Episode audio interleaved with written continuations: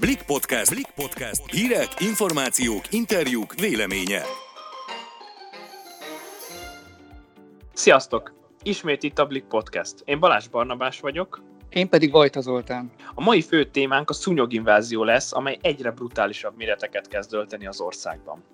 Majd arról beszélgetünk Gyurkó Szilvia gyermekjogi aktivistával, hogy milyen veszélyek leselkednek a gyerekekre a közösségi médiában. A mai témánk a levegőben van, méghozzá nagyon is, mindenkit megesznek a szúnyogok ezen a nyáron, nem csak a vízpartokon nem lehet megmaradni, hanem már a kertvárosokban is lehetetlené teszik az esti sétálást és mindent. Gyakorlatilag nem tudunk élni a szúnyogoktól. Minden évben nagy a felháborodás, hogy rengeteg szúnyog van, de idén mintha még több lenne. És tényleg nem kell közvetlenül a vízpart mellett lenni, az egész országot sújtja az invázió. Most arra a hatóságok is belátták, hogy baj van, és a Nemzeti Népegészségügyi Központ 180 napra engedélyezte a légi kémiai szúnyogírtást, tehát repülőről szórják ezt a szúnyogírtó vegyszert. Hivatalosan, a hivatalos indoklás az az, hogy a szúnyogok által terjesztett betegségek miatt, de szerintem inkább arról lehet szó, hogy akkora volt a közfelháborodás, hogy nem lehetett tovább tagadni a valóságot, meg gondolom az illetékesek sem bírták tovább a szurkálásokat. De már a katasztrófavédelem is jelezte korábban a tiszti főorvosnak, hogy az esős idő miatt erre hivatkoztak, elszaporodtak a szúnyogok, és a megfelelő mértékű írtás a meglévő biológiai, illetve földi, kémiai módszerekkel szerintük már nem biztosítható. Most már szakértők mondják egyébként, hogy hát nem igazán tettek meg mindent valószínűleg a, a, azok, akiknek meg kellett volna tenniük, meg kellett volna előzniük a szúnyogi inváziót. Mindegy, mert a szúnyogok már itt vannak velünk. Itt azért nagyon fontos hangsúlyozni, hogy nem pusztán csak a kellemetlen érzésről, a viszketésről van szó. A fő gond az, hogy a szúnyogok több fertőző betegséget is terjeszthetnek. Az elmúlt pár évben ráadásul megnőtt a trópusi szúnyogfajok száma itthon, amelyek veszélyesek lehetnek. De a szúnyogháló otthon például elég jó eszköz lehet, de a szabadban sokkal rosszabb a helyzet. Hát igen, egy szúnyoghálóba tekerve elég hülyen néznél ki, de egyébként meg vannak azért illatosított sprék, amik nekem legalábbis beváltak, valamelyik működik, valamelyik nem, valamelyik, valamelyiket észre se veszi a szúnyog, és ugyanúgy támad és szurkál, valamelyiket pedig nagyon utálják, és akkor tényleg távol maradnak, de az tény, hogy ebben a melegben senki nem szeret ragadni mindenféle vegyszertől, minden esetre azért a szúnyoginvázió miatt semmiképp sem maradjunk a négy fal között, főleg ebben a szép időben, mert majd ősszel meg fogjuk bánni, hogy miért nem élveztük ki a nyarat. És különben is a vérszívóknál is nagyobb veszély leselkedhet a négy fal között otthon, például a gyerekekre, ha a szülői felügyelet nélkül túl sok időt töltenek az interneten, ahol pedofilok vadászhatnak rájuk. Sellei Noémi vagyok a Blik újságírója, a vonal túlsó felén pedig itt van velünk dr. Gyurkó Szilvia, gyerekjogi szakember, a Hintalovon alapítvány vezetője, akivel a Kaletta ügy kapcsán többek között arról fogunk beszélgetni, hogyan védhetjük meg a gyerekeinket egy olyan világban, ami gyakorlatilag teljesen behálózott a közösségi média.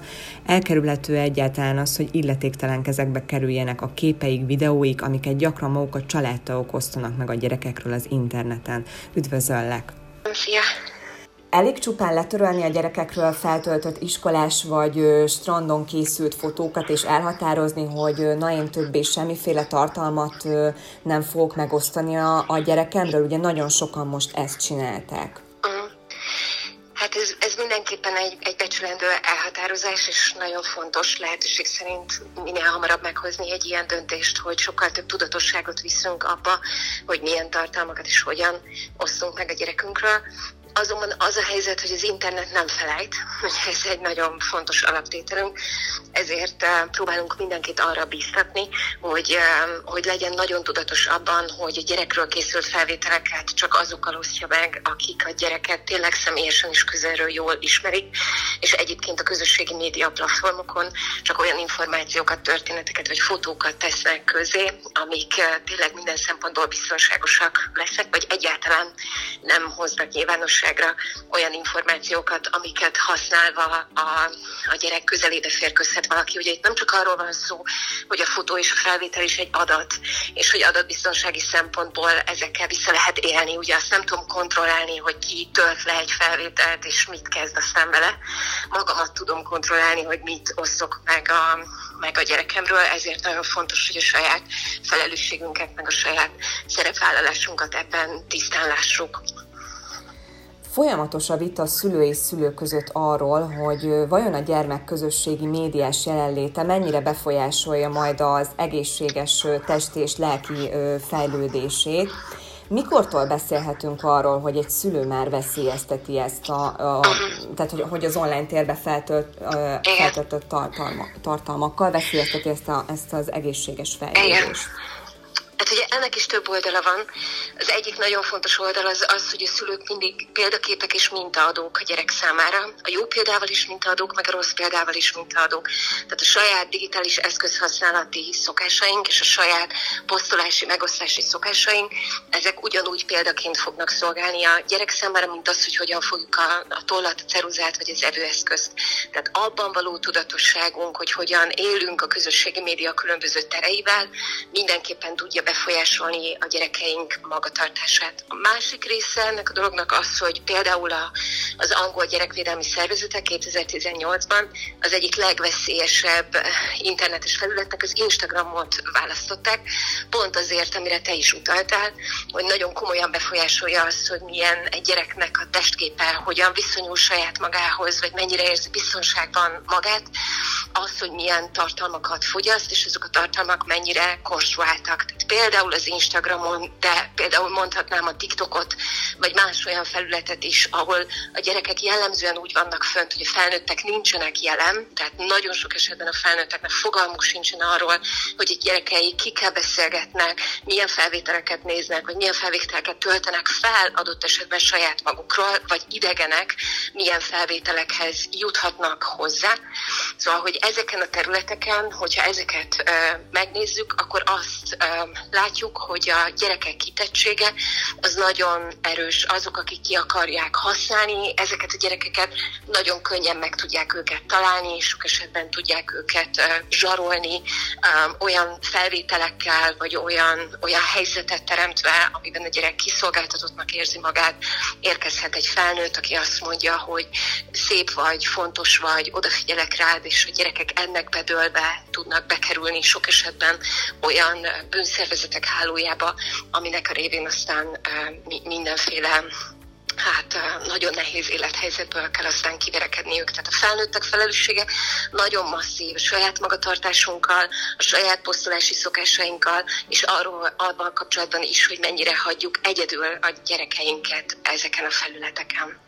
Ha például egy szülő, ugye említetted, hogy, hogy sokan nem is tudnak arról, hogy, hogy egyáltalán feltöltetek tartalmat, és hogy milyen tartalmakat töltenek fel. De tegyük fel, hogy ezt megnézik. Utána mi a következő lépés? Tehát, hogy leülnek a, a vacsoraasztalhoz a gyerekekkel, és akkor ö, felsorolják ö, ö, az internet veszélyét, és akkor beszélnek nekik ezekről az emberekről, akik ö, akik hát letölthetik az ő tartalmaikat, esetenként rájuk írhatnak, elkérhetik a lakcímüket, képeket kérhetnek róluk bármi.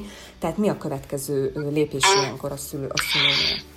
Hát ugye optimális esetben a, a, a szülők és a gyerekek között folyamatos a kommunikáció. Ugye tudjuk kutatási eredményekből, hogy ma Magyarországon egy átlagos család egy tizenéves gyerekkel naponta 7 percet beszélget, hogyha 7 percben nagyon nehezen fér be a mi volt az iskolában, mit tettél, mi van rajtad, mit fogsz csinálni holnap, megírtad el házi feladatot című dimenziókban mozognak nagyon sok esetben a szülők, és el elveszítjük azt a fajta fókuszt, ami a gyerekről való gondoskodással kapcsolatos, a gyerek jól létével kapcsolatos, vagy azzal az érdeklődéssel kapcsolatos, hogy valójában mi történik vele.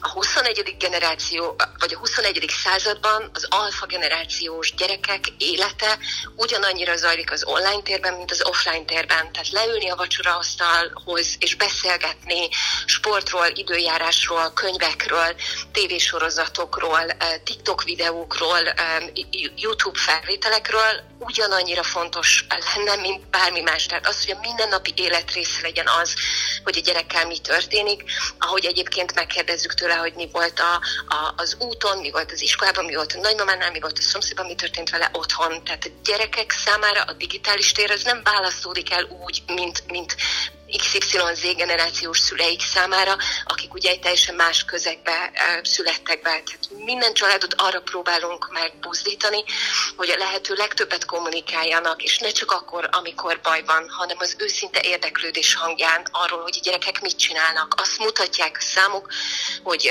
hogy a kamaszkorú gyerekek 60-70 százaléka olyan tevékenységeket folytat az interneten, amiről a szülőknek nincsen képük, nem csak arról, hogy milyen alkalmazásokat használnak, hanem arról sincsen képük, hogy ez az alkalmazás mire ad lehetőséget. Minden második hónapban van olyan gyerek eltűnési ügyünk, aminek a hátterében például online játékok vannak, amiken keresztül lehet csetelni, kapcsolatba lépni ismeretlenekkel, akik aztán csábíthatják a gyereket, és rávehetik olyan magatartásokra, adott esetben szökésre, ami, ami egyébként a gyereknek nem jönne magától, és a szülő sokszor azt se tudja, hogy egyáltalán hol keresse azt, aki a gyerekét rávette erre a történetre. Tehát ha valamit tudunk tenni, akkor alapvetően az, hogy a lehető legtöbbet kommunikáljuk, és kialakítsuk azt a fajta bizalmi kapcsolatot, amiben a gyerek pontosan tudja, hogy számíthat ránk, és hogyha bármi baj történik, akkor mi az ő oldalán állunk. Mert hogy nagyon sokszor a gyerekek azért sem mondják el, hogyha valami baj történik az interneten, mert félnek, hogy akkor elveszik az eszközüket, vagy lekapcsolják az internetet, tehát hogy valami nagyon komoly érdeksérelem éri őket. Ha viszont bizalmi alapon tudunk kommunikálni, és persze van következménye a hibáknak, de van elismerése annak is, hogyha egy helyzet nehéz, vagy hogyha valamit jól oldottak meg a gyerekek, a szülőként egy nagyon, nagyon fontos megerősítő feladat és, és magatartás. Abban az esetben, hogyha megtörténik az abúzus, és egy gyermek gyermeket mondjuk szexuálisan kizsákmányoltak, bántalmazás áldozatává vált, hol és hogyan kaphat segítséget? Ugye az a kérdés, hogy milyen fázisban derül ki ez a történet, ki az, aki, aki jelzi, hogyha maga a gyerek jut arra a pontra, igen. hogy felmerül benne az, igen, hogy ami igen. történik vele, az nem oké, okay, akkor, akkor vannak olyan segélyvonalak, ahol teljesen anonim módon tud tájékozódni arról, hogy ami vele történt, az valójában micsoda. Mi nagyon gyakran tapasztaljuk ezt, hogy a gyerekek bizonytalanok abban, hogy ami történik, az rendben van-e vagy sem, mert van benne egy érzés, de van valami teljesen más, amit a másik mond. Úgyhogy ezekben az esetekben a, a Kék Vonal alapítványt, az általuk működtetett segélyvonalat, csetet, e-mailt, telefont, amit abszolút anonim módon lehet hívni, úgyhogy nem is jelzi ki egyébként a havi hívás lista, hogy volt, volt egy ilyen beszélgetés. Fel lehet őket hívni, és meg lehet konzultálni azt, hogy az, ami történt, az mi volt, és hogy mit érdemes következő lépésként tenni. A másik ilyen felület, ahol kifejezetten szexuális bántalmazásokról is lehet beszélgetni, és ebben segítséget kérni, ez a Jelon, Y-nal, jelon.hu, ahol hetente háromszor lehet segítőcset beszélgetésen szakemberektől tanácsot és segítséget kérni. Hogyha a gyerek azt érzi, hogy, hogy ez az anonim segítség, ez távoli, és sokkal szívesebben beszélne személyesen valakivel, akkor persze első körben ajánljuk azokat a felnőtteket, akik a környezetében vannak, optimális esetben a szülőket, felnőtt családtagokat, akik meg tudják őket hallgatni, de ugye minden iskolában kell, és óvodában is működnie szociális segítőnek, a gyerekjóléti szolgálatokhoz is be lehet menni, bár nem biztos, hogy egy gyereknek egy lépésben adódik, hogy, hogy egy olyan ismeretlen felnőttet keressen meg, akivel nem feltétlenül tudott bizalmi kapcsolatot kialakítani. Hogyha megtörténik ez az első kapcsolatfelvétel, amiben a, már egy felnőtt is tudomást szerez az esetről, akkor onnantól kezdve a felnőttnek a felelőssége az, hogy ezt az információt, az ezzel kapcsolatos jelzést megtegye, és azt eljutassa a hatóságokhoz, ahonnan aztán segítséget lehet kérni, és egyrészt biztosítani az segítés keretében, hogy a gyerek megfelelő támogatást kapjon, másrészt megtenni a szükséges lépéseket annak érdekében, hogy a bántalmazó megállítható legyen. Azt szoktuk kérni és ajánlani, hogy minden olyan esetben, amikor a gyerek azt érzi, hogy egy olyan próbálkozás történt, ami átlép egy határt, akkor bár nagyon sokszor az a zsigeri ösztöni reakciónk, hogy azt töröljük, hogy ne is lássuk. Nagyon fontos, hogy készüljenek képernyőfelvételek, tehát hogy valamilyen módon legyen rögzítve az, ami történt, és hogyha később törli is azt a kontaktot, vagy azt a profilt, ahonnan érkezett a megkeresés, az később, hogyha eljárásra kerül a sor, nagyon sokat fog segíteni a hatóságoknak, hogyha ha van nyoma annak, ami történt. Köszönjük, hogy velünk voltatok ma is. Sziasztok! Sziasztok!